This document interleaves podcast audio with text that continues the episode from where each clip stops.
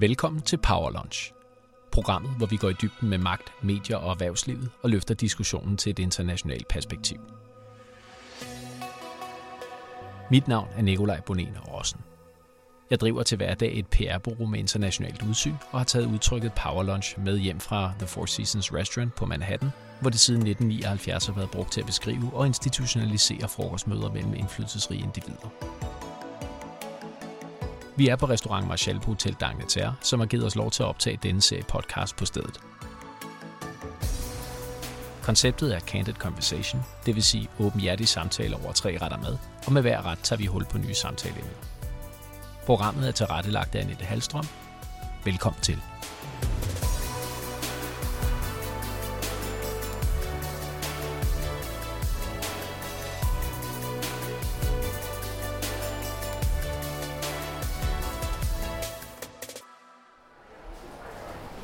Birk Olesen er forhenværende transport-, bygnings- og boligminister, nuværende folketingsmedlem og blev ved kommunalvalget i 2021 også valgt ind på Københavns Rådhus i borgerrepræsentationen. Selvom han er født i Gran i Sønderjylland, har han boet flere år i København og har ved flere lejligheder udtrykt sin ambition om at styrke sit engagement i hovedstadens udvikling. Blandt andet udtryk ved det omdiskuterede projekt Lynetteholmen, som han præsenterede til stor overraskelse for offentligheden sammen med Lars Løkke Rasmussen, daværende overborgmester Frank Jensen og Rasmus Jarlov på et pressemøde i oktober 2018. Det skal her siges, at øh, jeg selv også har været en udtalt kritiker af projektet, men jeg er altid klar på at blive modbevist, så jeg tænkte derfor, at det var en oplagt anledning både til at blive klogere på både projektet og Ole Birk Olsen, at invitere ham med til årets første udgave af Power Lunch. Velkommen til, Ole. Tak skal du have. Og det skal jo her siges, at jeg siger årets første udgave, men det er simpelthen fordi, vi optager i december. Vi har jo rent faktisk en julefrokost, så lad os kalde det en forsinket øh, julefrokost, vi har os her. Øh, vi mødtes to gange, eller vi har mødtes to gange over det seneste års tid, tror jeg det var. Begge gange til den samme julefrokost, den foregik i Tivoli-handlen. Og jeg kan huske til den første talte vi øh, øh, kort om Lynetteholm på et tidspunkt, men det var også sent på aftenen, der var flere øl i spil. Øh, og så ved den anden julefrokost, noget vi aldrig har talt, så nu håber jeg at tredje gang er lykkens gang. Ja, det bliver sjovt og interessant og spændende. Og, men inden der tænker jeg måske, at vi skal have den første øh, ret serveret. Og laks. Og Samsø Røgeri. Toppet med pitasalat med jordskok chips og rovn. Tak for dig, øh, Ole. Endelig Tak- øh, tak kom skal du øh, som jeg nævnte jo først, du er opvokset i Gram i Jylland og var oprindeligt medlem af Venstre Jeg, jeg er født på Gram sygehus, Okay. men jeg er fra Agerskov, som ligger inde i midten af Sønderjylland. Okay. Men altså, Gram var jo den nærmeste hospitalsby dengang. Okay, men du er i hvert fald siden øh, jo flyttet til København, men der er også andet, der har ændret sig. Du var jo medlem af Venstres Ungdom på et tidspunkt, og så øh, kom du ind i Venstre, og de fleste kender historien om, du blev valgt ind i Folketinget i 2011 som kandidat for LA i Østjyllands Storkreds, og du bliver genvalgt igen øh, som en ud af blot fire medlemmer ved sidste folketingsvalg, og du bliver så også minister i 2016. Hvordan, hvordan er den her øh, historie om Ole Birk Olsen, dansk politik, hvordan er der opstået? Den er jo opstået på den måde, at jeg, øh, da jeg nærmer mig de 18 år, opdager, at jeg går vildt meget op i politik. Øh, altså primært sådan de holdninger, der er på spil i, i politik, øh, de store ideologier. Er man socialist? Er man liberal? Er man konservativ? Og argumenterne for det ene og for det andet og det tredje. Jeg læser mange bøger i den der periode, hvor jeg øh, går på Åben Rå Statsskole, altså et gymnasium, og skal øh, køre 23 km hjem med en bus, øh, som jeg ofte skal vente halvanden time på øh, afgård. Det, det tilbringer jeg ned på, på Folkebiblioteket i Områ, øh, hvor jeg læser øh, bøger om politik. Øh, og, og det er det, der er baggrunden for, at jeg så senere går hen og bliver medlem af Folketinget. Det er, at jeg bare øh, synes, at det er øh, enormt øh, interessant og spændende og meningsfuldt at beskæftige sig med. Og du sidder jo, øh, du er på Mål Statsskole, så kommer du ind øh, og studerer journalistik, og du bliver journalist, øh, uddannet der fra Danmarks Medie- og Journalisthøjskole, ja. hvis jeg ikke tager fejl. Kommer ind og skriver øh, på øh, Berlingske og Ekstrablad, og så kommer du også ind til at skrive på en bog, der hedder Taberfabrikken, ja. som du udgiver i 2007 på, jeg mener, det er People's Press. Så du ikke bare øh, læser øh, mange bøger, men du vil altså også begive dig ud i at skrive ind, og det bliver så dit kan man sige, claim to fame inden for debatverdenen, hvor du bliver en efterspurgt og også lidt kontroversiel øh, debattør. Det var jo sådan debatvejen ind i politikerkarrieren. Øh, men hvad fik dig til at skrive den bog? Det var noget, jeg havde på sinde. Øh, igen havde jeg også læst øh, andre bøger, der sådan berørte de samme emner. Og så tænkte jeg, at det her, øh, det er også en dansk historie øh, om, at man vil så meget godt med den socialdemokratiske velfærdsstat, vi har, men at den har nogle utilsigtede virkninger, øh, som er medaljens bagside. Ja, vi tager os af dem, der ikke kan klare sig selv, men øh, vi øh, skaber også en ny klasse af mennesker, som tidligere var i arbejde, men som nu ikke længere er i arbejde og i stedet øh, modtager offentlig forsørgelse. Der er intet land i verden, hvor der er flere, der er offentlig forsørget, selvom de er i den arbejdsdygtige alder end Danmark. Og det er fordi, vi har nogle meget rundhåndede ydelser, og fordi vi har mange af dem. Ja, og øh, jeg, mener, at det var, øh, jeg tror, det var Dennis Nørmark, øh, der på et tidspunkt lavede en anmeldelse af den i Jyllandsposten, hvor han skriver citat, og det er 2007 dommen over velfærds Danmark er knusende hård i Ole Birk Olsens redselskatalog over grådighed, ansvarsforflygtelse og dogenskab i tabernes paradis. Det må man sige. Det er noget af nogle ord at give bogen med. Men øh, har det været dit formål at skrive det altså, som en idéhistorie, som en debatbog for at få øh, rystet folk op og få skabt ændring med, med, med den i hånden som din bibel, eller hvad har ideen været her? Den har, ligesom alt andet, jeg laver, ideen, har ideen været at gøre folk øh, klogere på noget, jeg synes, at folk bør vide, i håb om, at de vil øh, drage nogle andre konsekvenser, end det de gør i dag. Altså, at de vil stemme på nogle andre politikere, at de vil sige noget andet i den offentlige debat, eller når de mødes med kolleger. Hvis de har læst min bog, så gør de det med et andet udgangspunkt, end hvis de ikke har læst min bog. Og det skal, det skal sige, jeg har ikke selv læst den, men jeg har læst en del om den, og øh, den bliver også rubriceret som værende en, ja, ikke en kontroversiel udgivelse, men i hvert fald en, hvor du går, hvor du går til stålet og meget mod det, man kaldte måske de danske værdier. Ja, det synes jeg. Altså, den tager sit udgangspunkt i intentionerne, dengang man vil lave øh, velfærdsstaten, nemlig at, at der er øh, flere mennesker, der skal ligesom empowers Altså, man bruger ikke det ord dengang, og, og, og vi har ikke et dansk ord, men, men det, man siger i, i, på det engelske, empowerment, at der er flere mennesker, der skal empowers til at kunne klare sig selv, og det vil man skabe en velfærdsstat til at bringe dem i den situation, hvor de kan klare sig selv. Øh, folk, der ikke kan klare sig selv på daværende tidspunkt. Og så sker der det stik modsatte. Der bliver stadig flere mennesker, som ikke kan klare sig selv, men som er afhængige af ydelser fra det offentlige. Det med, at den er kontroversiel. Den, den er ikke specielt øh, kontroversiel, men hver gang der er, er nogen øh, til venstre i det politiske spektrum, der siger, at de er meget uenige i noget, så har medierne en tendens til at skrive, at så er det der nok meget kontroversielt, for der er nogle venstreorienterede, der har givet udtryk for, at de er meget uenige. Du har jo vagt kontroverser i den danske debat. Øh, på den måde forstået, at du har delt vandene. Øh, det kan man jo ikke rigtig øh, løbe fra. Du har gjort det både øh, øh som debattør, som politiker, måske endda også lidt som journalist, men altså også som øh, redaktør af netmediet 180 grader, der jo i, i, i den grad også har været platform for rigtig meget debat øh, på den liberale side. Hvordan, hvad skete der egentlig med det projekt? Det, øh, du var jo chefredaktør for det i en årrække. Ja, men det var øh, efter jeg havde været journalist på, på Ekstrabladet i tre år, og på Berlinske Tidene i, i fem år, øh, så havde jeg lyst til at have en mere fri platform, øh, og der stod øh, nogle andre, som gerne ville lave den platform på det tidspunkt, som jeg så øh, indrullerede mig i, og vi var fire, der skød penge og kræfter i at lave øh, den her nye øh, medieplatform. I håb om, at, at vi ligesom kunne være de første, der sådan lavede et, et uafhængigt øh, online medie, hvor der også var en høj grad af brugerinddragelse. Og det gik også på mange måder rigtig godt. Øh, men på den anden side, så blev Facebook stor i de der øh, år der.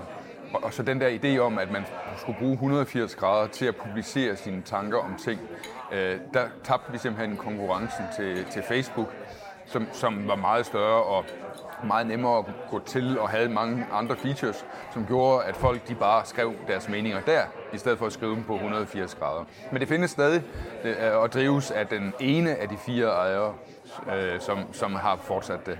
Men øh, jeg, jeg var nemlig også inde og kigge på det for lige prøve at se, øh, og nu lever jeg jo selv i medieverdenen øh, og driver kommunikationsbureauer og er meget involveret i øh, at mappe de forskellige interessenter, der er i mediebilledet, og det, det slog mig også, at det var et stykke tid siden, jeg havde hørt noget omkring 180 grader, øh, som jo på et tidspunkt var øh, relativt indflydelsesrig inden for den liberale verden, fordi det var en afsætningsplatform for mange holdninger, øh, som det måske det etablerede mediebillede på det tidspunkt øh, var øh, optaget af nogle andre strømninger, så var det en mulighed for folk at komme ud der. Ja, det er rigtigt. Men det var også, jeg synes, det var et stykke tid siden, nu kiggede jeg ind på det, jeg tror hen, var et stykke tid siden, der sidst har været en udgivelse derinde. Ja, men det kræver jo, at der er nogle mennesker på sådan et medie, eller tilknyttet sådan et medie, som kan engagere folk, og som kan få en plads i folks tilværelse.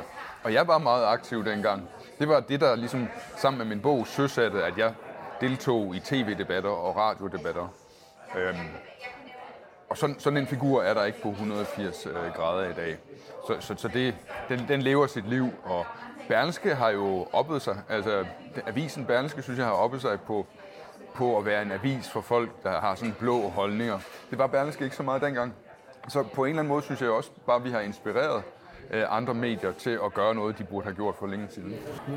Nu, nu nævnte du selv, da vi mødtes her tidligere i dag, øh, at du var med i Berlingskes Morgenpost, hvor at man jo i det her, jeg ved ikke om man skal kalde det nyhedsbrev, eller den her opsummerende artikel, er meget glad for at kommentere, hvad der foregår på øh, enten sociale medier eller i andre medier. Altså det bliver sådan et metamedie man, man, man kan så spørge et eller andet sted, om hvorvidt man mener, at det er den rigtige vej for den liberale debat øh, at gå. Man skal, øh, man skal lægge sin tillid til, at, øh, at de store etablerede mediebillede blot skal fungere som kommentatorer på, hvad der foregår på de forskellige øh, sociale mediers øh, kommentarspor osv.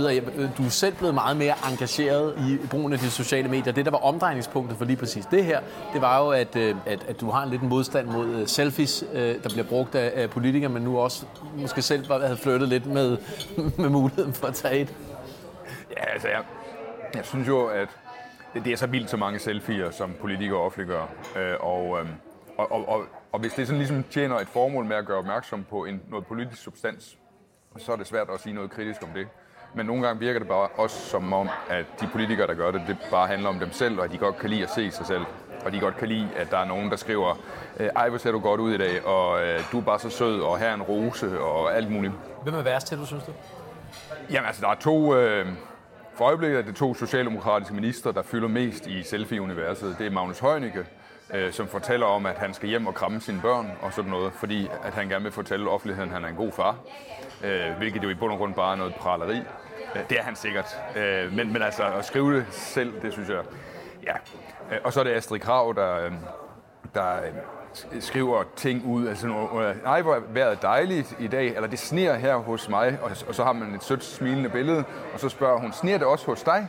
øh, fordi så, hvis der er nogen, der svarer, så kommer det der billede ud i, i, i feedet til de følgere, der svarer. Så, så, så du mener, at de proaktivt spekulerer i at få så meget uh, attraction, interaktion på det? Altså, de for, det er en falskhed. Det er en, de foregiver for eksempel en interesse i deres uh, brugere, deres følgere uh, dagligdag.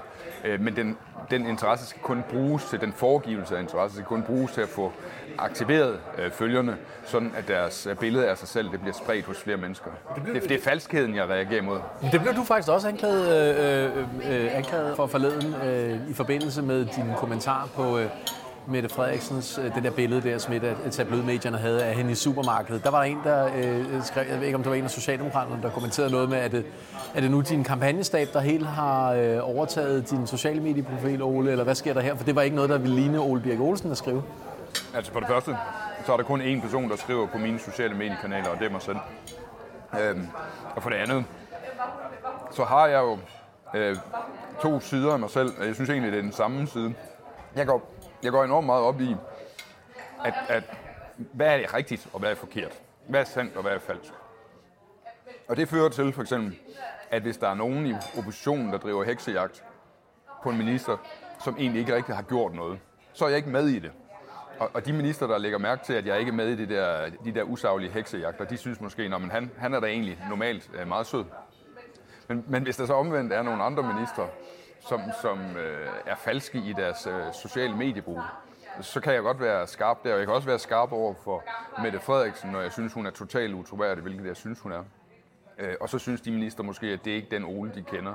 Og så reagerer de med, hvad, er der, hvad har du gang i nu, Ole? Øh, men men ja, det hele bunder i det samme, at, at jeg egentlig bare går op i, at der, der er noget, der er rigtigt, og der er noget, der er forkert. Øh, og også sådan helt faktuelt, og, og, og jeg vil gerne prøve at formidle det. Det, det er efter bedste overbevisning mener er det rigtige. Men, men der er ingen tvivl om, at det politiske spil er intrigant, men det er i hvert fald blevet tydeligere for folk i mediebilledet, som jeg selv og vælgerne, øh, og gud og hver mand, at øh, øh de intriger, de flyder over i de sociale medier. Det bliver meget teatralsk. Hvad kan I fra fra politikerstandens side gøre for i hele taget at begrænse, at det ikke hele bliver et, et, skulle jeg til at sige, et reality show med 179 øh, stole i en stoleleg, øh, sådan at det ikke øh, kommer over i retorik og polemik på de sociale medier, hvor det egentlig bare handler om at vinde stemmer og opmærksomhed? Jamen, det er der meget af sådan noget der. Men jeg synes, at hvis man holder sig til noget, man oprigtigt tror på, og kan stå indenfor, så kan du, din retorik jo godt være hård imod andre, fordi du tror oprigtigt, at det er berettiget. Du mener oprigtigt, at det er berettiget. Men hvis det bliver sådan noget skuespil, noget show, hvor man går efter andre politikere, fordi at hvis man råber højt nok, eller påstår ting, øh, vilde ting, hårdt nok, at så kan man få de der andre politikere på glatte is. Så er det jo så er det noget andet. Så, så, så bliver det til noget reality show og noget leg. Og, øh, så det er substansen, der er afgørende. Hvis der er substans i det, så er alt retfærdiggjort. Hvis der ikke er substans i det, så er, der, så er intet retfærdiggjort. Altså det, det, og, og det, men det kan være svært, hvis du ikke har som profession, at du skal følge med i politik rigtig intenst. Så ser du bare, at der er nogen, der råber hinanden, og der er nogen, der ikke råber hinanden. Der er nogen, der er negativ, og der er nogen, der er positiv. Og hvis du har den synspunkt, der er for meget negativitet og for meget råberi, og du ikke følger nok med til at kunne finde ud af, hvornår er der substans i det, og hvornår er der ikke substans i det, så kan du drage den konklusion, at det hele bare er forfærdeligt.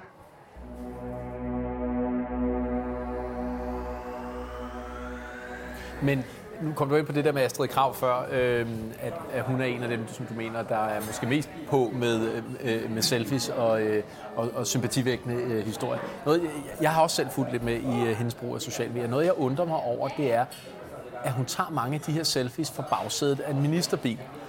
Øh, og det er ofte noget, der handler om social ulighed eller øh, indinering over nogle øh, forhold, som kan tilskrives fordelingspolitik og øh, mangel på økonomiske øh, formåen osv. Men man, man får lidt lyst til en gang lige at øh, måske kommentere hashtag sagt for bagsædet af en ministerbil eller, eller noget lignende.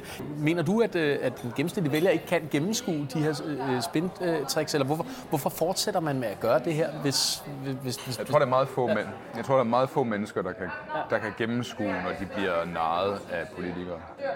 Det, det er nemmest at gennemskue, hvis det er nogen, man ikke føler et tilknytningsforhold til. Hvis du sådan har en opfattelse af, at jeg er altså blå, og så er der nogle røde mennesker, der kører et eller andet show, så har du sådan en instinktiv mistro over for dem, og så er du lettere, lettere ved at gennemskue det. Og omvendt, hvis du, er, hvis du er rød, og så er der nogle blå, der kører et eller andet show, så kan du også... Men, men, men jeg synes, at det, jeg vil sige, det, det, det bliver tydeligere og tydeligere fra begge sider af det politiske spektrum, at man ikke har noget imod at tage metoder i brug, der kan virke, øh, som du selv brugte ordet før, falskt øh, og opstillet øh, og øh, øh meget like-håndende. Øh, så det, jeg, jeg, jeg vil sige, det, nu, tog jeg bare de her øh, eksempler her. De får virkelig mange likes på det, dem der er dygtige til det der show. Der. Hvem på højrefløjen? Hvem, hvem er der der, hvor du tænker, det der, hvis du nu skulle, hvis du nu skulle sætte kort nogen ud? Der må altså, være nogen, der synes, der er slemme. Jamen, altså, Nye Borgerlige har for øjeblikket en meget... Øh, nogen vil kalde det populær profil. Nogle gange er den også øh, populistisk, øh, hvor de også kan finde på at hæve vilde ting, øh, og øh, øh, i, i håb om, at der er nogen, der vil sige, at de er nogle fantastiske mennesker. Og jeg kan se masser af mennesker, der, der, der falder for den. Altså vi, nogle gange er vi jo også udsat for, at Nye Borgerlige hævder, at de har stemt på den ene eller den anden måde, hvor vi faktisk ikke har gjort det. Men deres følgere sluger Altså var det kontrafaktisk? Ja. Okay. Altså hele corona-indsatsen, hvor, hvor, hvor, hvor vi har stemt imod meget, men de har stemt imod mere. Der, der, når vi så har stemt imod noget, så får vi nogle gange øh, skudt i skoene, at vi har stemt for mere, end vi i virkeligheden har gjort, fordi nye borgerlige har spredt den misforståelse. Og, og dem, men deres vælgere kan ikke gennemskue. De synes bare, altså, fordi de er bare på et hold. De holder med AGF. Eller de, altså, de holder med nye borgerlige. Og, og det kan godt være, at de engang imellem gør noget, der er forkert. Og det kan også godt være, at ham der forsvarsspilleren fra AGF, han engang imellem laver en svins takling. Men han er vores svin. Og, øh, og sådan har øh, nogle vælgere det også med deres partier. Ja, okay, de er måske lidt øh, platte nogle gange, men, men, men det, er vores, siger, det er vores folk. Hvor, hvorfor siger I så ikke fra, hvis der bliver sagt noget, der er faktuelt forkert, eller hvis der er noget, der er måske decideret injurierende? Jeg, jeg erindrer ikke, at jeg husker inden for dansk politik et uh, en US-søgsmål i... Uh, Ej, en US benytter vi os ikke meget af, bortset fra, der var... Uh, Birte Røn Hornbæk og Jesper Langballe var i en US-søgsmål. Okay. Jeg tror, det var Langballe, der lagde anlagde det mod Birte Røn Hornbæk, men...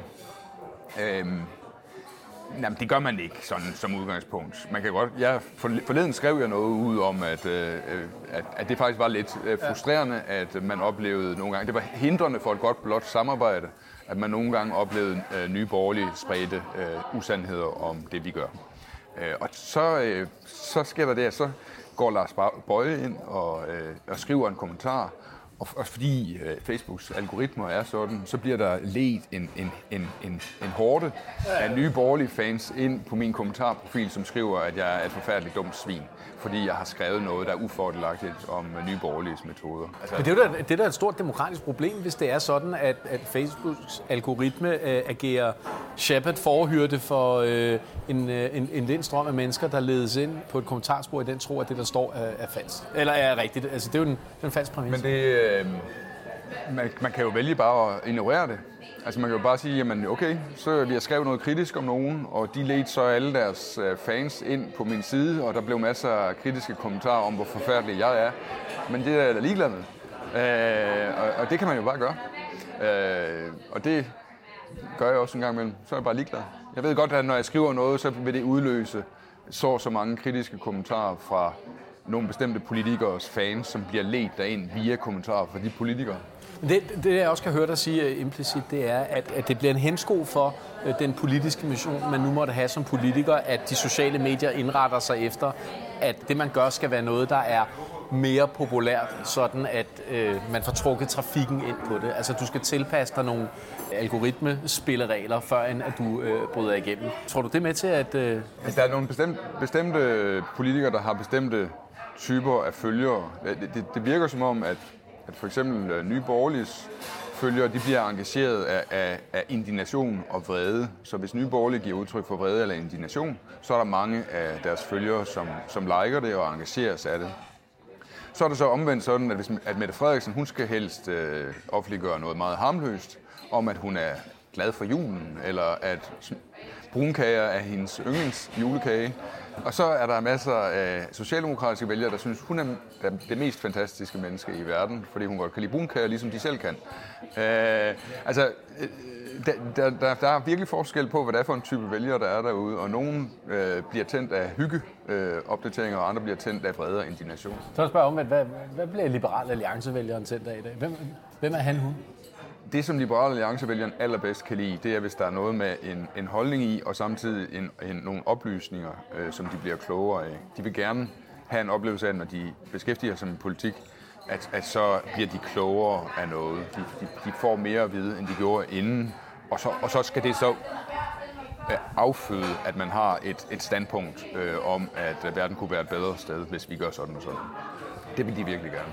Okay, Hold op, Men, men, men så kan man sige, at den mission, I så et eller andet sted må have, det er at kunne berige dem med, med den information, øh, som der efterspørges. Men, men har I overhovedet gjort det chance for at gøre det i en, øh, en Facebook-virkelighed, hvor at, øh, algoritmerne prioriterer øh, øh leverpostejsmad og brunkager? Jamen, vi får faktisk rigtig mange øh, engagements øh, for øjeblikket. Øh, både og vi som parti og vores øh, leder, Alex Vandopslag, er rigtig god til at engagere folk.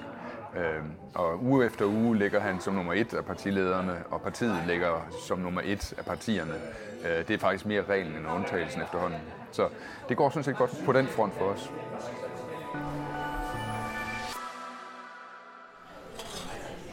Skal vi få vores juleand med en øh, løgpuré nede i bunden, lidt friteret kål, og så en solbærsauce her ved siden af. Tak. Tak for det. Øh, Ole, den øh, 5. Oktober 2018, der overrasker du Lars Løkke Rasmussen, Frank Jensen og Rasmus Jarlov hele Danmark med annoncering af projektet Lynetteholden på et pressemøde i statsministeriet. Øen den skal jo være 275 hektar, og den anlægges i forlængelse af Refshaløen, og den har plads til 35.000 beboere, og den skal også sikre København mod øh, stigende vandmasser. Øh, og i forbindelse med bygningen, der skal der etableres en østlig ringvej fra Nordhavnen til motorvejen på Amager, samt en metroring af området. Lynetteholm den skal bygges fra jord, der er i overskud fra andre projekter, og den skal transporteres blandt andet med lastbiler, hvilket bevirker, at der formentlig i årtier øh, vil være jordtransporter øh, gennem byens gader. Og byggeriet er planlagt til at kunne påbegyndes fra, jeg tror det er omkring år 2035, og, og det er hensigten, at den skal være fyldt udbygget omkring år 2070. Og det her, det her projekt det er altså vedtaget øh, med udgangspunkt i en lov, der hedder L220, og der er vedtaget med et bredt politisk flertal i, øh, i Folketinget, og det er Socialdemokratiet, det er Venstre, det er SF, det Radikale Venstre, det er Dansk Folkeparti, det er det Konservative, det er Liberale Alliance, og det er også Inger Støjberg, som i øvrigt i dag blev dømt i, øh, til dages fængsel i rigsretssagen apropos. Og det har siden rejst altså snart sagt en, øh, en, en meget stor kritik af projektet fra mange sider i befolkningen. Øh, og jeg vil sige sådan, ud over politiske interessenter, der mindes jeg faktisk ikke endnu er løbet på så meget som en borger, der synes, at det her forslag øh, er en fantastisk ting. Men fortæl mig, Ole, du er en af arkitekterne bag det her. Hvad, hvad er meningen med det her projekt? Projektet er jo affødt af, en, af et par problemstillinger, og så en mulighed for at bruge løsningen på de problemer til at løse andre problemer. Øh, først og fremmest så øh, foregår der jo hele tiden byggeri i København. Og det vil sige, at der produceres hele tiden overskudsjord, som skal deponeres et eller andet sted.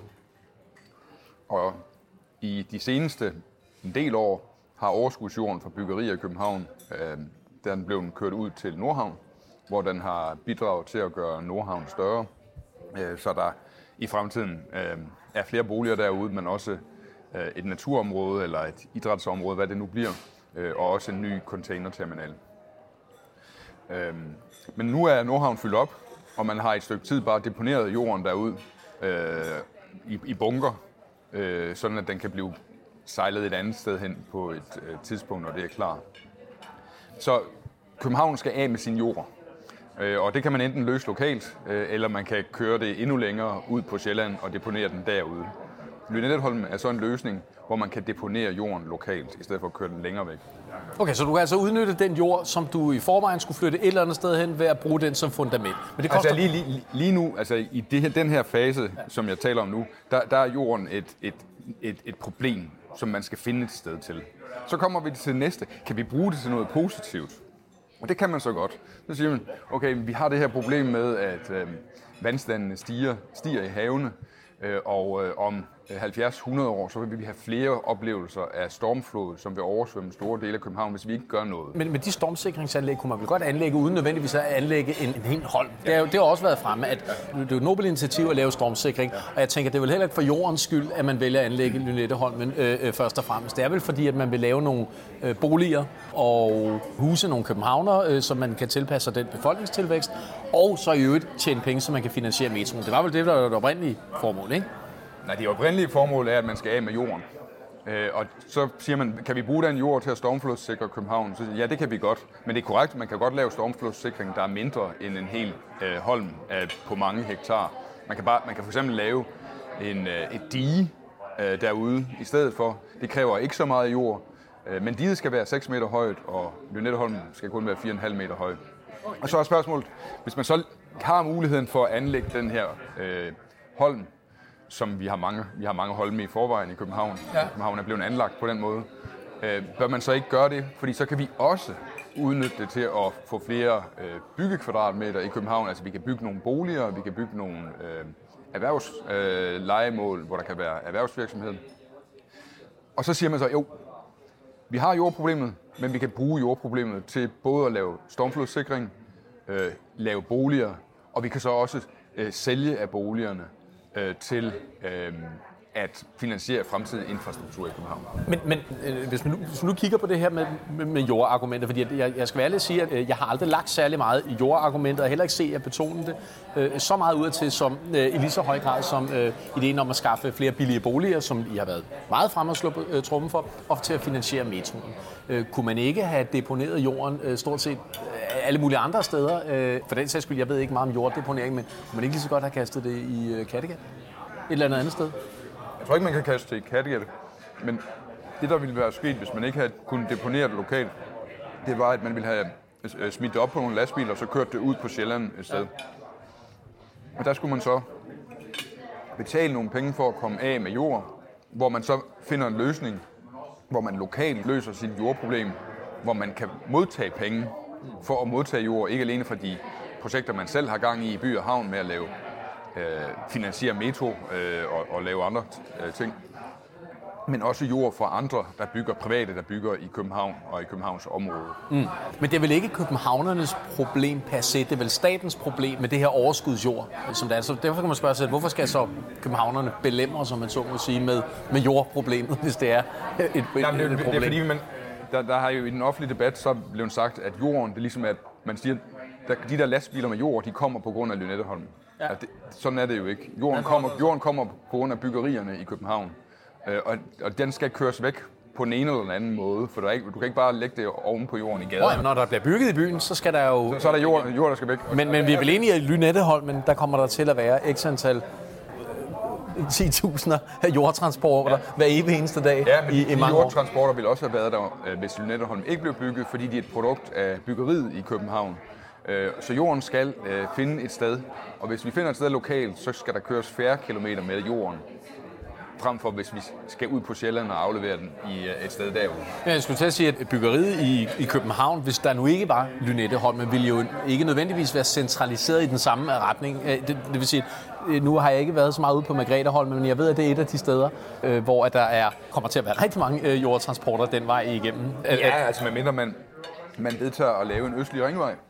Fordi hvis man laver en østlig ringvej, så kan den jo transporteres øh, via øh, sådan noget, der jo nærmest ligner en motorvejstruktur, bare ikke med så høj hastighed. Men altså en flersporet vej, og hvor en del af det foregår i tunnel. Øh, så hvis der etableres en østlig ringvej, som ligger klar i midten af 30'erne, så vil den østlige ringvej også kunne stå for jordtransporterne i det meste af den her anlægsperiode på Lynetteholm.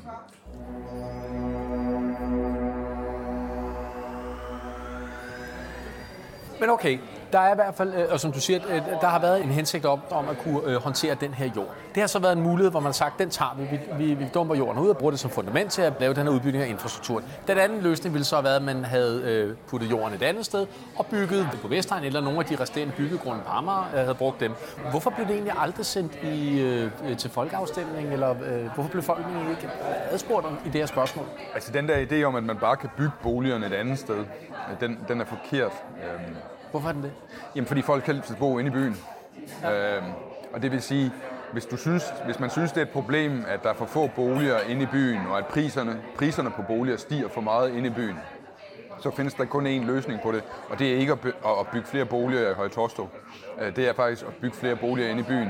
Fordi efterspørgselen på at bo i byen vil fortsætte med at stige, selvom der bygges boliger i Høje Torstrup. Altså vi er jo mange, der bor herinde i København, fordi vi ved, at det at bo inde i København har nogle kvaliteter, som det ikke har at bo i Høje Torstrup. Og, og det vil sige, der skal også bygges ude omkring til de mennesker, der vil bo derude, og der bliver bygget ude omkring til de mennesker, der vil bo derude. Men det ændrer ikke på, at der fortsat er en stigende efterspørgsel på at komme ind og bo inde i centrum af København. Og der er det, at Nettoholm og andre projekter som dem tilbyder sig til det, og dermed tager noget af det pres på boligmarkedet, som ellers ville have været inde i København. Men man, vi kan jo ikke alle sammen bo midt inde i København. Nej, det kan vi ikke. Og derfor har der, jo- er der også høje priser herinde, fordi det er jo udtryk for, at, at der er det antal boliger, der er for øjeblikket, og der er rigtig mange, der gerne vil bo i dem, og derfor skal man betale meget for at bo her. Men hvis vi ser til nogle af vores øh, nabolande og nabobyer, øh, hovedstederne i, i Norge og i Sverige, Oslo og Stockholm, der er boligpriserne steget, steget endnu mere end i København, fordi man der ikke har, haft, øh, har tilladt øh, nybyggeri i samme omfang, som vi har gjort i København.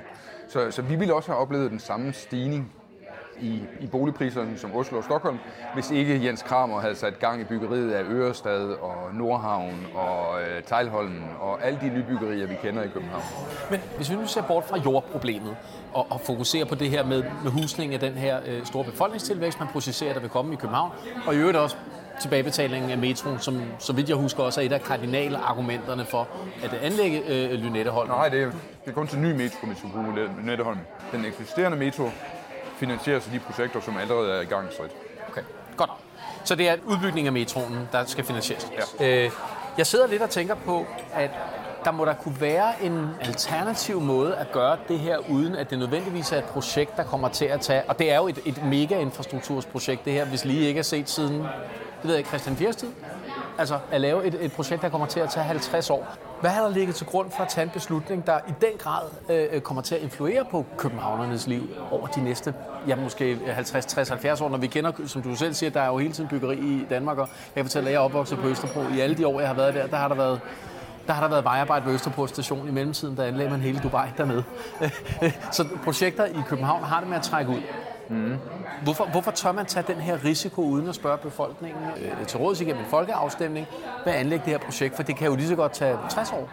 Der er jo ikke, der er jo ikke noget som helst. Altså, vi sidder herinde på Kongens Nytorv i midten af København, der, og, og uanset hvor langt vi kigger ud, hvis vi nu kravlede op i et tårn og kiggede ud over hele København, der, så ville vi ikke kunne se et eneste sted, der var blevet bygget efter en folkeafstemning.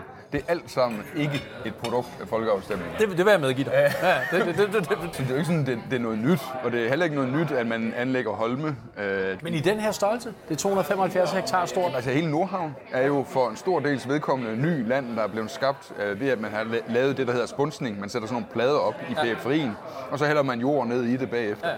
Ja. Øhm, og, og det er der jo ingen, der, der er ingen loppe, der har gød over det. Men det har jo nok også været på et tidspunkt, hvor at der ikke var de samme naboer, man så må sige, til anlæggelse af øh, yderområderne i Nordhavn. Så tæt, øh, så tæt øh, boede folk jo ikke på projektet. I det her tilfælde, så bor folk jo ude på, på Folk bor der heller ikke særlig tæt på den nye Lynetteholm. Altså, du har da både noget vand imellem Lynetteholm og Nordhavn, og, Ej, det kan du godt høre derude. Og det ved jeg, fordi jeg har boet i Nordhavn. Det gør jeg ikke længere. og ude på Margretheholm, der er også noget, noget Refshaleø og så videre i, mellem øh, Margretheholm og den kommende Lynetteholm. Så det er ikke specielt tæt på noget. Og så er der jo bare det der med, hele den her forestilling, som mange dyrker om, at lastbilerne er et produkt af Lynetteholm. Nej, lastbilerne vil være der under alle omstændigheder, fordi byggeaktiviteten i København vil være der under alle omstændigheder. Okay, men det synes jeg, at det, det, det er en vigtig point at fremhæve, men, men det er ikke en, jeg har set, i hvert fald ikke en, der er blevet pikket så meget op af medierne i hvert fald. Det er ikke en, jeg ser øh, at være øh, dagsordensættende i medierne at slå den tilbage, fordi det er jo det, som mange af københavnerne frygter det, det er, at de skal have støv, støj og øjebæ ja. i de næste 50-60 år. Men det er meget normalt, at medierne de skriver om nogen, der er sure over et eller andet. Øh, og det kommer så op i toppen i en overskrift. Øh, og i den første øh, to tredjedel af artiklen, og så nede i bunden af artiklen, øh, så er der så dem, der svarer på det, al den surhed. Og der står så nede, jamen lastbilerne kommer ikke på grund af Lynetteholm, de kommer fordi vi bygger i København, og der er noget jord, der skal finde et nyt sted at være.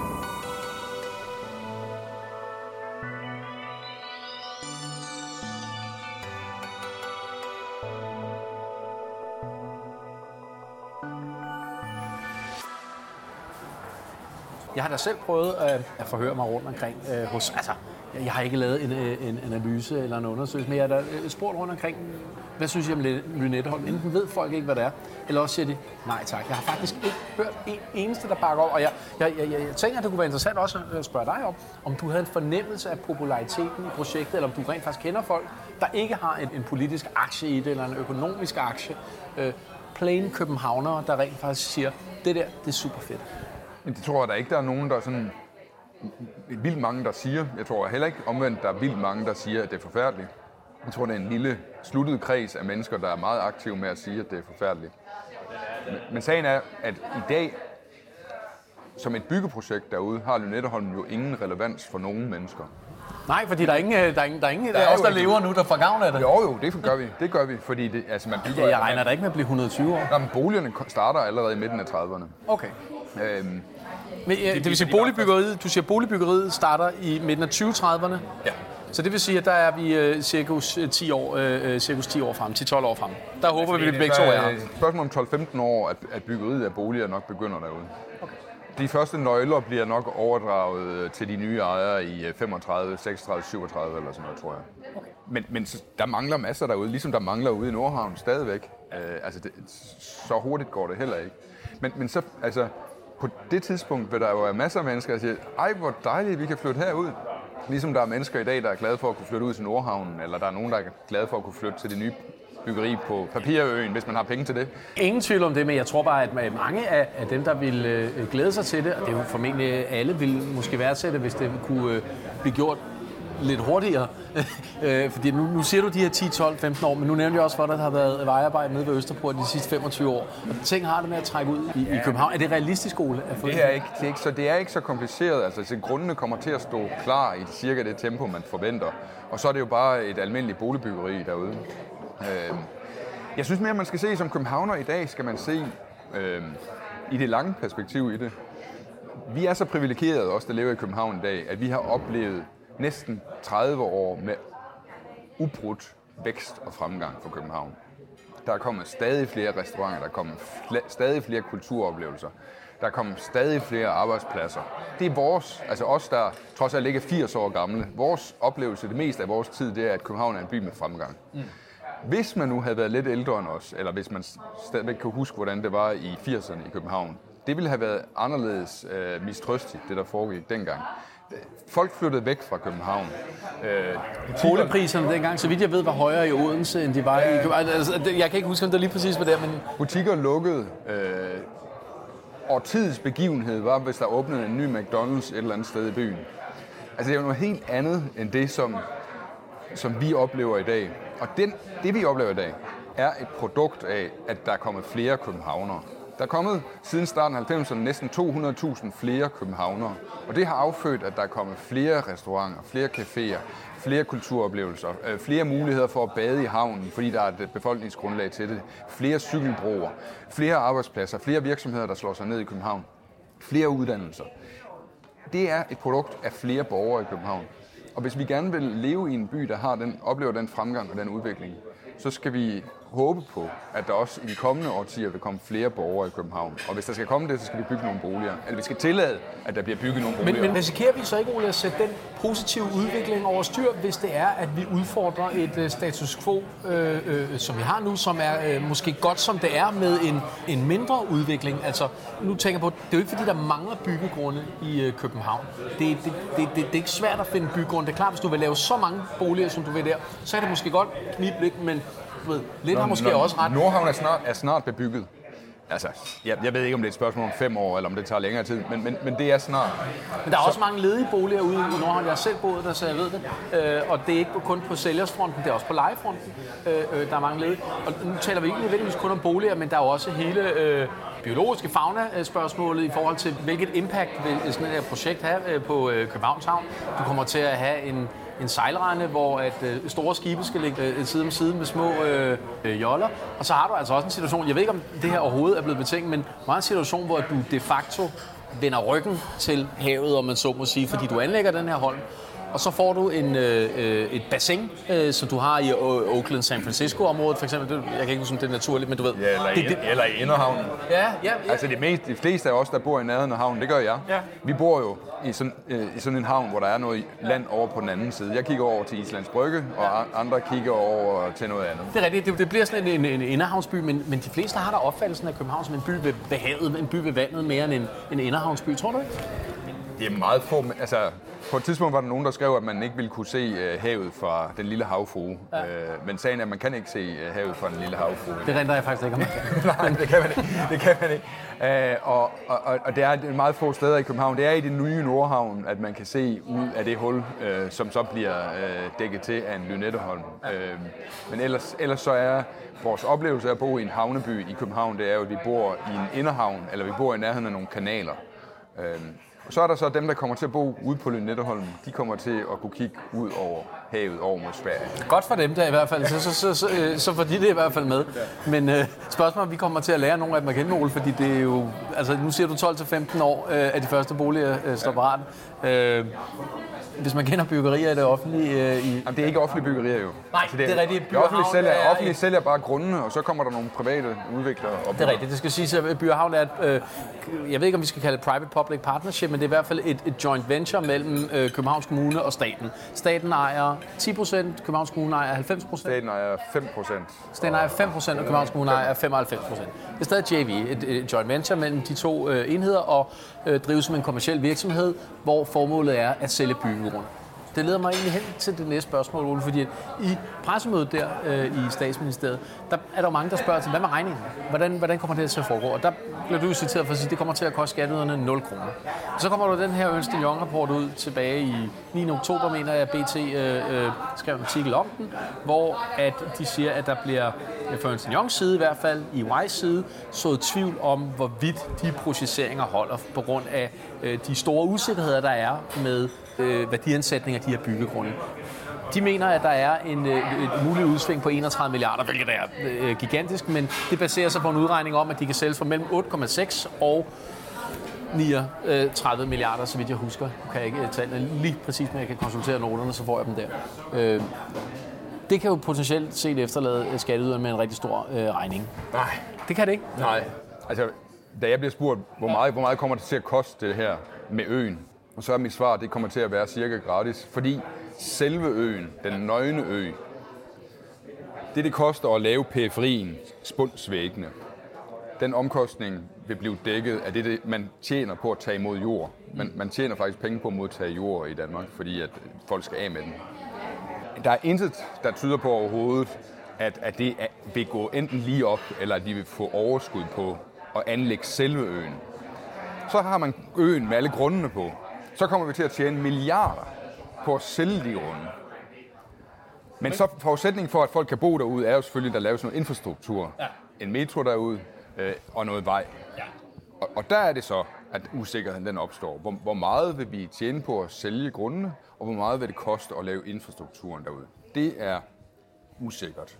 Øhm, men, men det, jeg svarede på dengang, det var selve den nøgne ø den er cirka gratis. Men hvis du nu skal overbevise skeptikere noget, fordi der er øh, mange, og det kan godt være, at det ikke er repræsentativt for øh, det miljø, øh, som jeg observerer øh, derude, men mit indtryk er, at der er ret mange. Og hvis du nu bare skal tage højde for dem, og de skal overbevises, hvordan vil du så sælge Lynetteholm øh, i sidste ende til dem, kontra for eksempel at have anlagt øh, på nogle af de andre eksisterende byggegrunde, eller øh, de andre muligheder, der har været øh, ved øh, at, øh, øh, at betale andre for at tage imod jorden, og så øh, udvikle på Amager eller på Vestegnen osv. Hvorfor er det, at folk skal øh, holde det her projekt? Altså, der er ikke så mange andre muligheder for at, at bygge øh, i København. Altså, når Nordhavn først er fyldt op af boliger, så er vi efterhånden ved at være i bund. Altså, så er der den kommende jernbaneby. Det skal gå i gang og stå færdigt, tror jeg, i midten af 30'erne. Altså helt færdigt. Så er der Refshaleøen og Kløverparken, hvor jeg håber, at, at, at ejeren derude snart kan få lov til at bygge derude øh, i respekt for det miljø, der er derude i forvejen. Det var derude på øh, Lærkesletten, eller hvor? Øh? Nej, Ref, Refsaløen og, og Kløverparken, ja. det ligger i nærheden af hinanden, og Kløverparken ligger for enden af Kløvermarken. Og der er nogle private ejere derude, og det jeg håber snart, at kommunen giver dem lov til at bygge. Øh, men, men ellers er der ikke så mange muligheder for at imødekomme det store boligbehov, vi forventer i de kommende år. Boligbehovet i de her år skabes jo faktisk ikke af, at der er en masse mennesker, der gerne vil flytte til København. Øh, fordi der er flere mennesker, øh, der flytter ud af København, end der er folk, der flytter til København i de her år. Boligbehovet i disse år skabes af, at der fødes flere børn i København, end der er københavner, som dør. Så det er vores egen produktion af ekstra befolkning, der afføder, at vi har behov for nogle flere steder, folk kan bo. Fordi ellers, så kan øh, vores børn, når de skal flytte hjemmefra på et tidspunkt, så vil de øh, opleve, at der er kæmpe stor rift om boligerne, og, og de nok, nok ikke, medmindre de er meget velstående, kan betale en bolig øh, i København, øh, hvis vi ikke bygger noget mere. Det giver også rigtig god mening, og det er jo selvfølgelig også et, et, et velmenende altruistisk initiativ, som man selvfølgelig også skal tage højde for den næste generation, at vi skal overlade en, en, en by til dem, der er bedre end den, vi selv boede i. Men jeg kan simpelthen ikke lade være med at spekulere på, om ikke der kunne have været en anden mulighed, og, og, og hvis ikke der var det, så man i hvert fald inddraget borgerne i spørgsmålet. Nu siger du helt rigtigt, kig ud over byen, der er masser af projekter, der er ikke en eneste af dem, der er blevet sendt til en folkeafstemning. Nå ja, det er det. Nu ved jeg, hvad, hvad jeg vil sige, som jeg lige ved ja. at glemme. Altså, der har jo været afstemninger. Der, der har lige været for eksempel et kommunalvalg i København. Vi har lige overstået et kommunalvalg i København, hvor Lynetteholm fyldt rigtig meget i debatten. Ja. Alle steder, hvor jeg var, blev der diskuteret Lynetteholm. I medierne blev der diskuteret Lynetteholm. Og der var tre partier, der gik imod den. Ja. Og det var Enhedslisten, Alternativ, Nye Borgerlige, og så var der ham for konservativ, der også var hoppet over ja. på den anden side. Men, men forventningen hos dem, der var modstandere af Lynetteholm, dem, der var meget engagerede modstandere, de sagde jo til os, der var tilhængere, bare vent til kommunalvalget, så bliver I straffet. Øh, og, og, og det, er ikke, det er ikke sket. Altså, øh, det som alternativt, øh, det som enhedslisten er gået frem, har alternativt tabt. Ja. Og, og det som Socialdemokratiet har tabt, har konservative vundet. Og, så, så, så, så, det, så balancen mellem partier, der er modstandere og tilhængere af udbygning, for eksempel via Lynetteholm, er den cirka den samme. Selvom det her tema har fyldt vildt meget i den offentlige debat. Og hvis man var blå, så kunne man jo stemme på øh, Nye Borgerlige eller Dansk Folkeparti, hvis man var modstander, eller den ene kandidat for konservativ. Øh, og hvis man var rød, så kunne man stemme, det, det så kunne man stemme du, på enhedslisten. Ja, eller, jeg kan eller, se på dit ansigtsudtryk, øh, øh, Ola, du også godt selv Det kan jo være lidt svært at sluge for, for, for mange af vælgerne, at hvis du nu er socialdemokrat, øh, eller at du er øh, øh, konservativ for den sags skyld, og du altid har stemt på de partier, og du i virkeligheden godt kunne tænke dig, at byen blev ved med at være nogenlunde som den så ud, og i hvert fald ikke ville have Lynetteholm, så kan det godt være svært for en socialdemokrat, øh, selvom man er på venstrefløjen, at stemme på enhedslisten. Er det kan også være svært for en konservativ at stemme på øh, Nye Borgerlige. Øh, er der ikke en diskrepans der mellem, hvad politikerne vil, og hvad øh, borgerne øh, rent faktisk foretrækker? Så kunne, så kunne modstanderne have lavet en sværpolitisk liste med Nikolaj Kirk i front. Han er jo modstander af det meste byggeri i København, og han er kendt, øh, og han har en stor følgeskar på Facebook. Og, så kunne man have, øh, og der kunne både have været nogle, nogle blå og nogle røde på den der liste, ligesom der var i Folkebevægelsen mod EU i gamle dage. Øh, og så kunne man have stillet op på at hedde imod Lynetteholm, eller anti-Lynetteholm borgerlisten. Men, men det gjorde man ikke, og det, og det tror jeg øh, var en grund til, at man ikke gjorde, men man troede ikke, man ville få et godt valg, fordi jeg tror ikke, at københavnerne føler for en modstand imod det her. Jeg tror heller ikke, at de er specielt engageret øh, på den positive front for det. Jeg tror, at de er sådan lidt, jamen det er bare sådan business as usual. Man bygger øh, noget, og måske er det godt, måske er det skidt. Det, det, det betyder ikke så meget for os. Men den dag, hvor det står derude, og vi har strandingen derude, ud mod Øresund, hvor der går græssende køer, og bag det, så ligger så boligerne. Jeg tror, at folk vil opleve det som et øh, fremragende sted. Det, det, det, det er jeg heller ikke i tvivl om, hvis det altså også bliver øh, øh, grønne enge med, med, med græsne køer, som du nu så malerisk øh, beskriver det. Der er også andre, der har beskrevet det som en stor øh, øh, sanddumpning midt ude i... Øh... Jamen, planen lige nu er jo, at den del af Nynetteholm, der vender ud mod Øresund, der skal man lave en, en, en lang og også forholdsvis bred strandeng, der skal nedgræsses af, af dyr øh, og at det skal være sådan et naturområde, som man så har stier, man kan gå henover for at komme ned til stranden. Okay.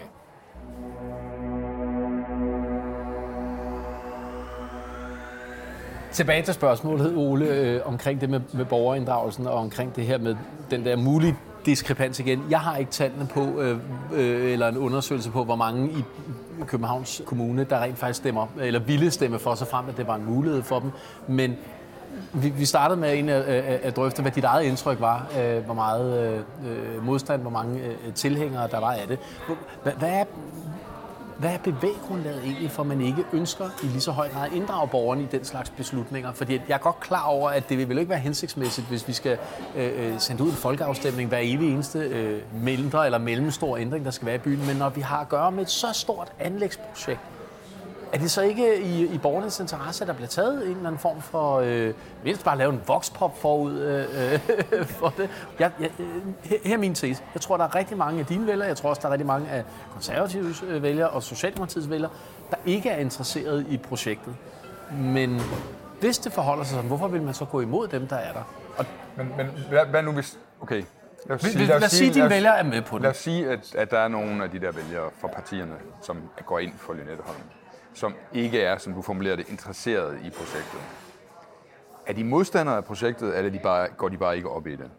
Når de bliver spurgt, øh, siger de så noget, som de har hørt, man skal sige, eller siger de så noget efter grundige overvejelser?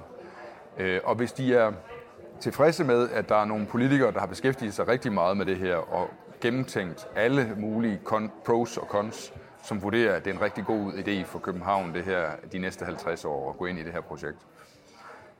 Har de vælger så egentlig ikke et ønske om at læne sig tilbage og lade nogle andre træffe øh, den beslutning, som de så vælger i tiltro til, at det kan de andre nok? Altså når jeg afleverer min bil på et værksted, så vil jeg nødig øh, have til afstemning hos min husstand, øh, om der skal skiftes det ene eller det andet. Øh, der har du sat dig godt ind i til. Jeg håber, det håber på, at mekanikeren han kan fortælle mig, hvad der skal gøres. Ja. Og så har jeg så valgt den mekaniker, som jeg har tillid til. Ja. Øh, og, og, og nogle gange er det repræsentativt demokrati også sådan, at man øh, ligesom tror på, at dem, man har valgt, hvis det er nogen, man ellers har en vis... Altså, du, du føler, okay, han virker som en, som man kan tro på. Han virker som, han, om han står for det samme, som jeg gør han kan også godt træffe de der beslutninger. Men der, der tror jeg, vi er lidt tilbage til Churchills argument om, at the, uh, the best argument against democracy is a five-minute uh, conversation with the average voter. Er det ikke det, du siger implicit? Øh, det var ikke mig, der sagde det. Det var dig, der sagde det. Men, men jeg ved, at når man går rigtig meget op i et emne, så øh, begynder man at vide mere om det emne, end hvis man går meget mindre op i det. Og der er forskel på, om man dedikerer sit liv til bestemte politiske beslutninger, eller om det er noget, øh, man drøfter hen over frokostbordet på sin arbejdsplads, øh, når der er nogen andre, der tager det op.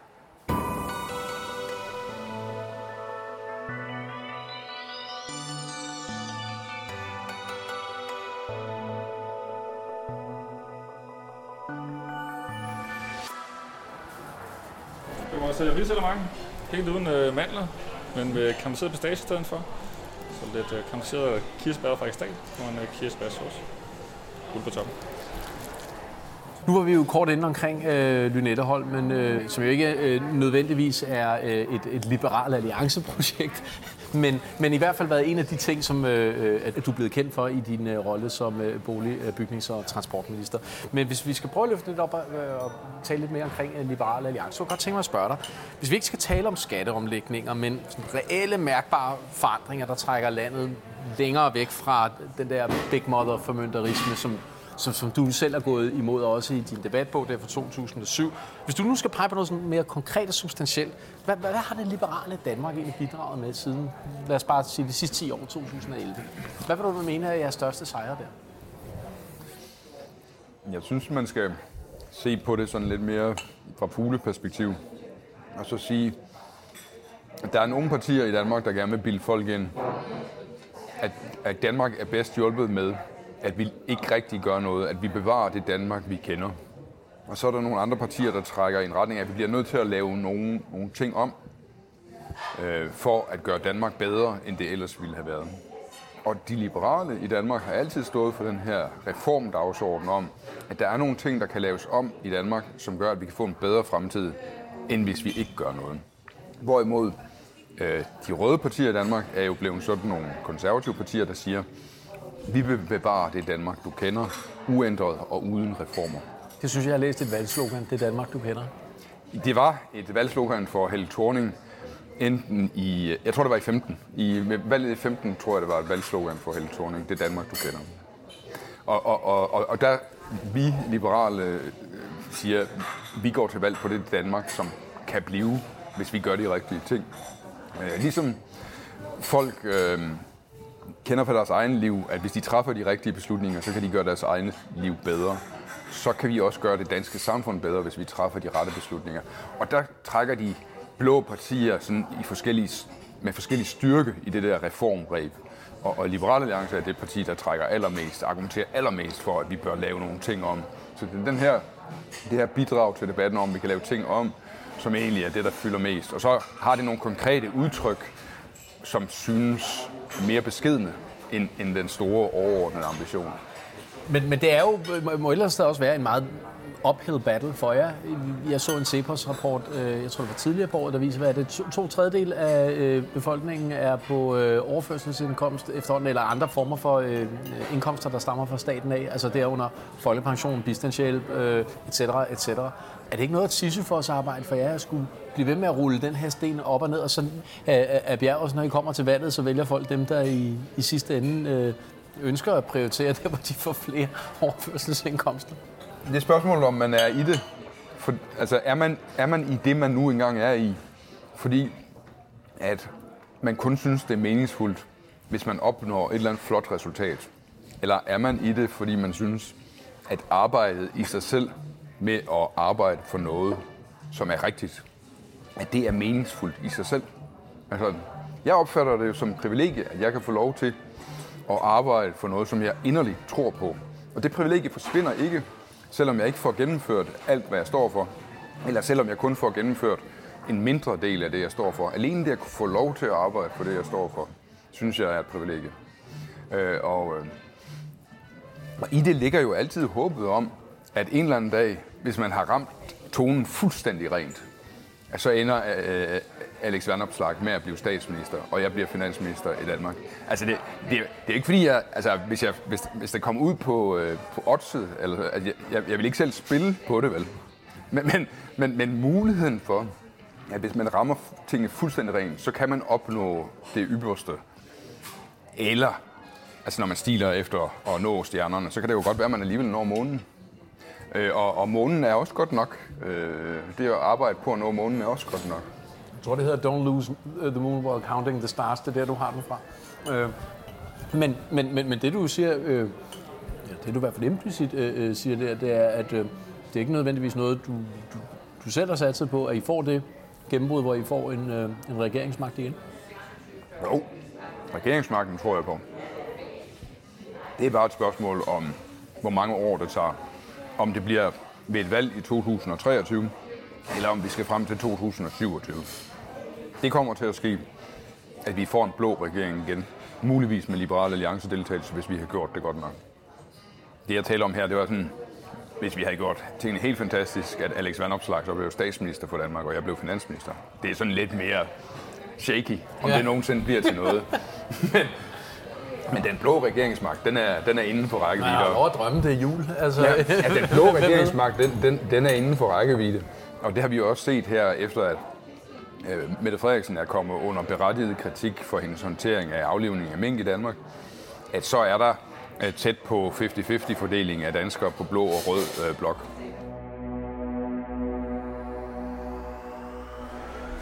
Hvad skal der så til for at tippe den? Jamen, der skal det til, at de blå partier i befolkningens øjne tilbyder noget, som befolkningen efterspørger, og som Mette Frederiksen ikke ønsker at levere, fordi hun er politisk uenig i det. At det er et, formentlig et projekt med en mere øh, strømlignet offentlig sektor, der bedre kan imødekomme folks behov for øh, behandling, når de er syge, øh, undervisning til børnene, øh, pasning af de ældre osv., når de er plejekrævende, på en måde, der, der bedre passer til, hvad folk har lyst til, øh, med mere individuelle valg og mere individuelle øh, leverancer og leverandører og konkurrence og sådan noget. Øh, at- man kan få en forestilling om, at vi kan få et bedre og mere øh, målrettet Danmark til den enkeltes behov, hvis man får blå blok til magten. Og så Mette Frederiksen, hun står og siger nej, nej, nej, fordi øh, hun vil have, at alle mennesker skal være offentlige ansatte i det her land, og FOA skal styre Danmark, øh, og øh, hun kan ikke acceptere, at der kommer øh, noget individuelt valg osv. Det kunne være en dagsorden, tror jeg, der kunne løfte de blå partier op til at få valgsejren i 2023. Og så vel også en, en mulig rigsretssag mod øh, Mette Frederiksen, nu hvor Inger Støjberg lige har fået øh, sin dom i dag, så baner det vel et eller andet sted også vejen for, at det bliver mere naturligt at tage den under behandling. Jo, det er klart. Øhm, det man jo sådan lidt frygter, det er, at, at, at, at hvis der kommer en meget hård kommissionsrapport i foråret, at så Socialdemokratiet de bare kan nøjes med at sige, når man så, så gør vi vammen til statsminister og tager de radikale med i regeringen, og så tager vi resten af valgperioden. Og så bliver det med Vammen som statsminister, at vi, øh, Nikolaj Vammen, finansministeren, at vi går til valg i 2023. Øh, og så snakker vi selvfølgelig politik til den tid, så, så snakker vi ikke mink øh, længere. Øh, men vi har fået en ny statsminister fra Socialdemokratiet. Øh, jeg, jeg tror ikke, jeg tror ikke nødvendigvis, at Mette Frederiksen og Socialdemokratiet udskriver valg, fordi der kommer en hård kommissionsrapport, og det radikale siger, at vi skal have en rigsret. Jeg tror bare, de kan gøre en anden til statsminister. Men en stod er jo nødvendigvis ikke den andens brød, så hvis, hvis, vi, hvis I skal komme igennem øh, og gå ind og få øh, eventuelt, en, en ting er at få en blå regering, men også hvis Liberale Alliance skal få nogle øh, øh ministertaburetter, så skal det vel komme ved, at man kan gå anlægge en politisk linje, som der er stor, bred tilslutning om fra befolkningen. Og let, let's face it, vi er på et punkt lige nu, hvor at I står, I kunne have stået bedre. Øh, I, efter Simone Emil er ude, så har I tre øh, mandater tilbage i, i Folketinget. Jamen, vi fik, vi fik jo et rigtig dårligt valg i 19, hvor vi kun fik valgt fire øh, mennesker. Øh, og den ene af de fire, Simon Emil Amelsbøl Bille, forlader os, så, så vi er kun tre tilbage. Øh, men det vi så til gengæld har oplevet, som, som går mod, modsat hvad folk øh, forventede, det er, at vi går ikke længere ned end det, fordi vi faktisk er tre dygtige mennesker, synes vi selv, der godt kan finde ud af at, at tale til blå og liberale danskere om, hvad der er vigtigt.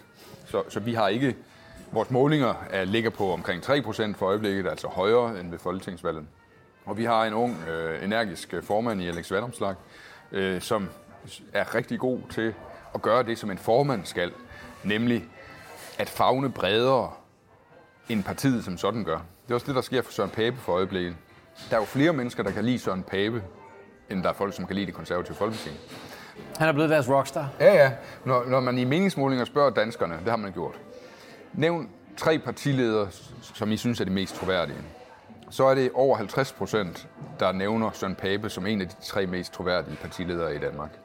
Og, og de konservative har trods alt kun 15-16 procent opbakning for øjeblikket. Men der er altså over 50 procent, der synes, at Pape er en af de tre mest troværdige partiledere i Danmark. Øhm, og det, det en god partileder kan, det er, at der er flere mennesker, der bryder sig om partilederen, end der bryder sig om partiet. Og dermed er der en base for, at partiet også kan blive større.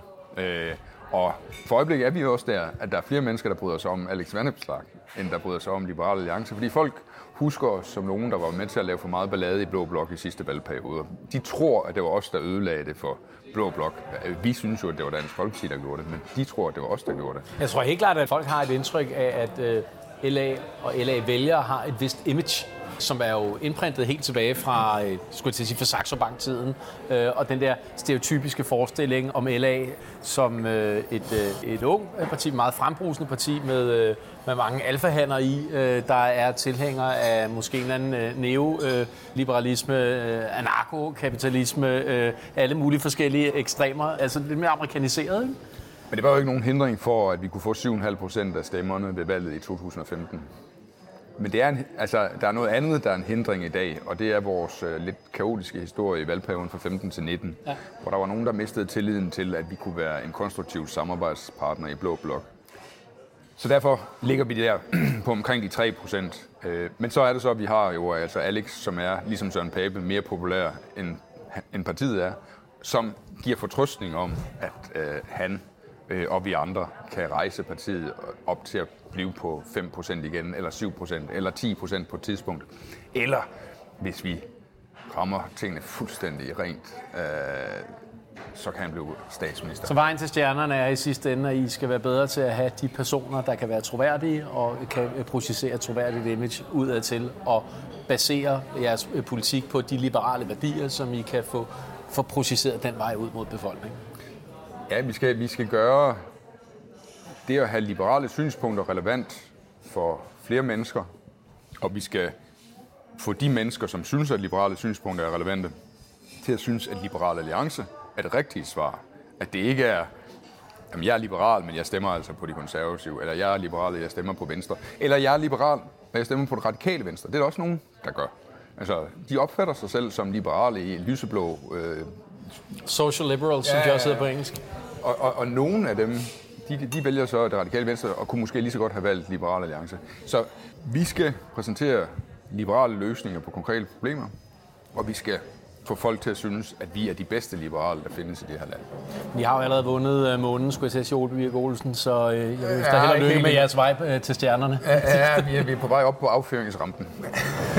Tusind tak, fordi du kom. Ja, tak. Det var super hyggeligt og super dejlig mad hernede.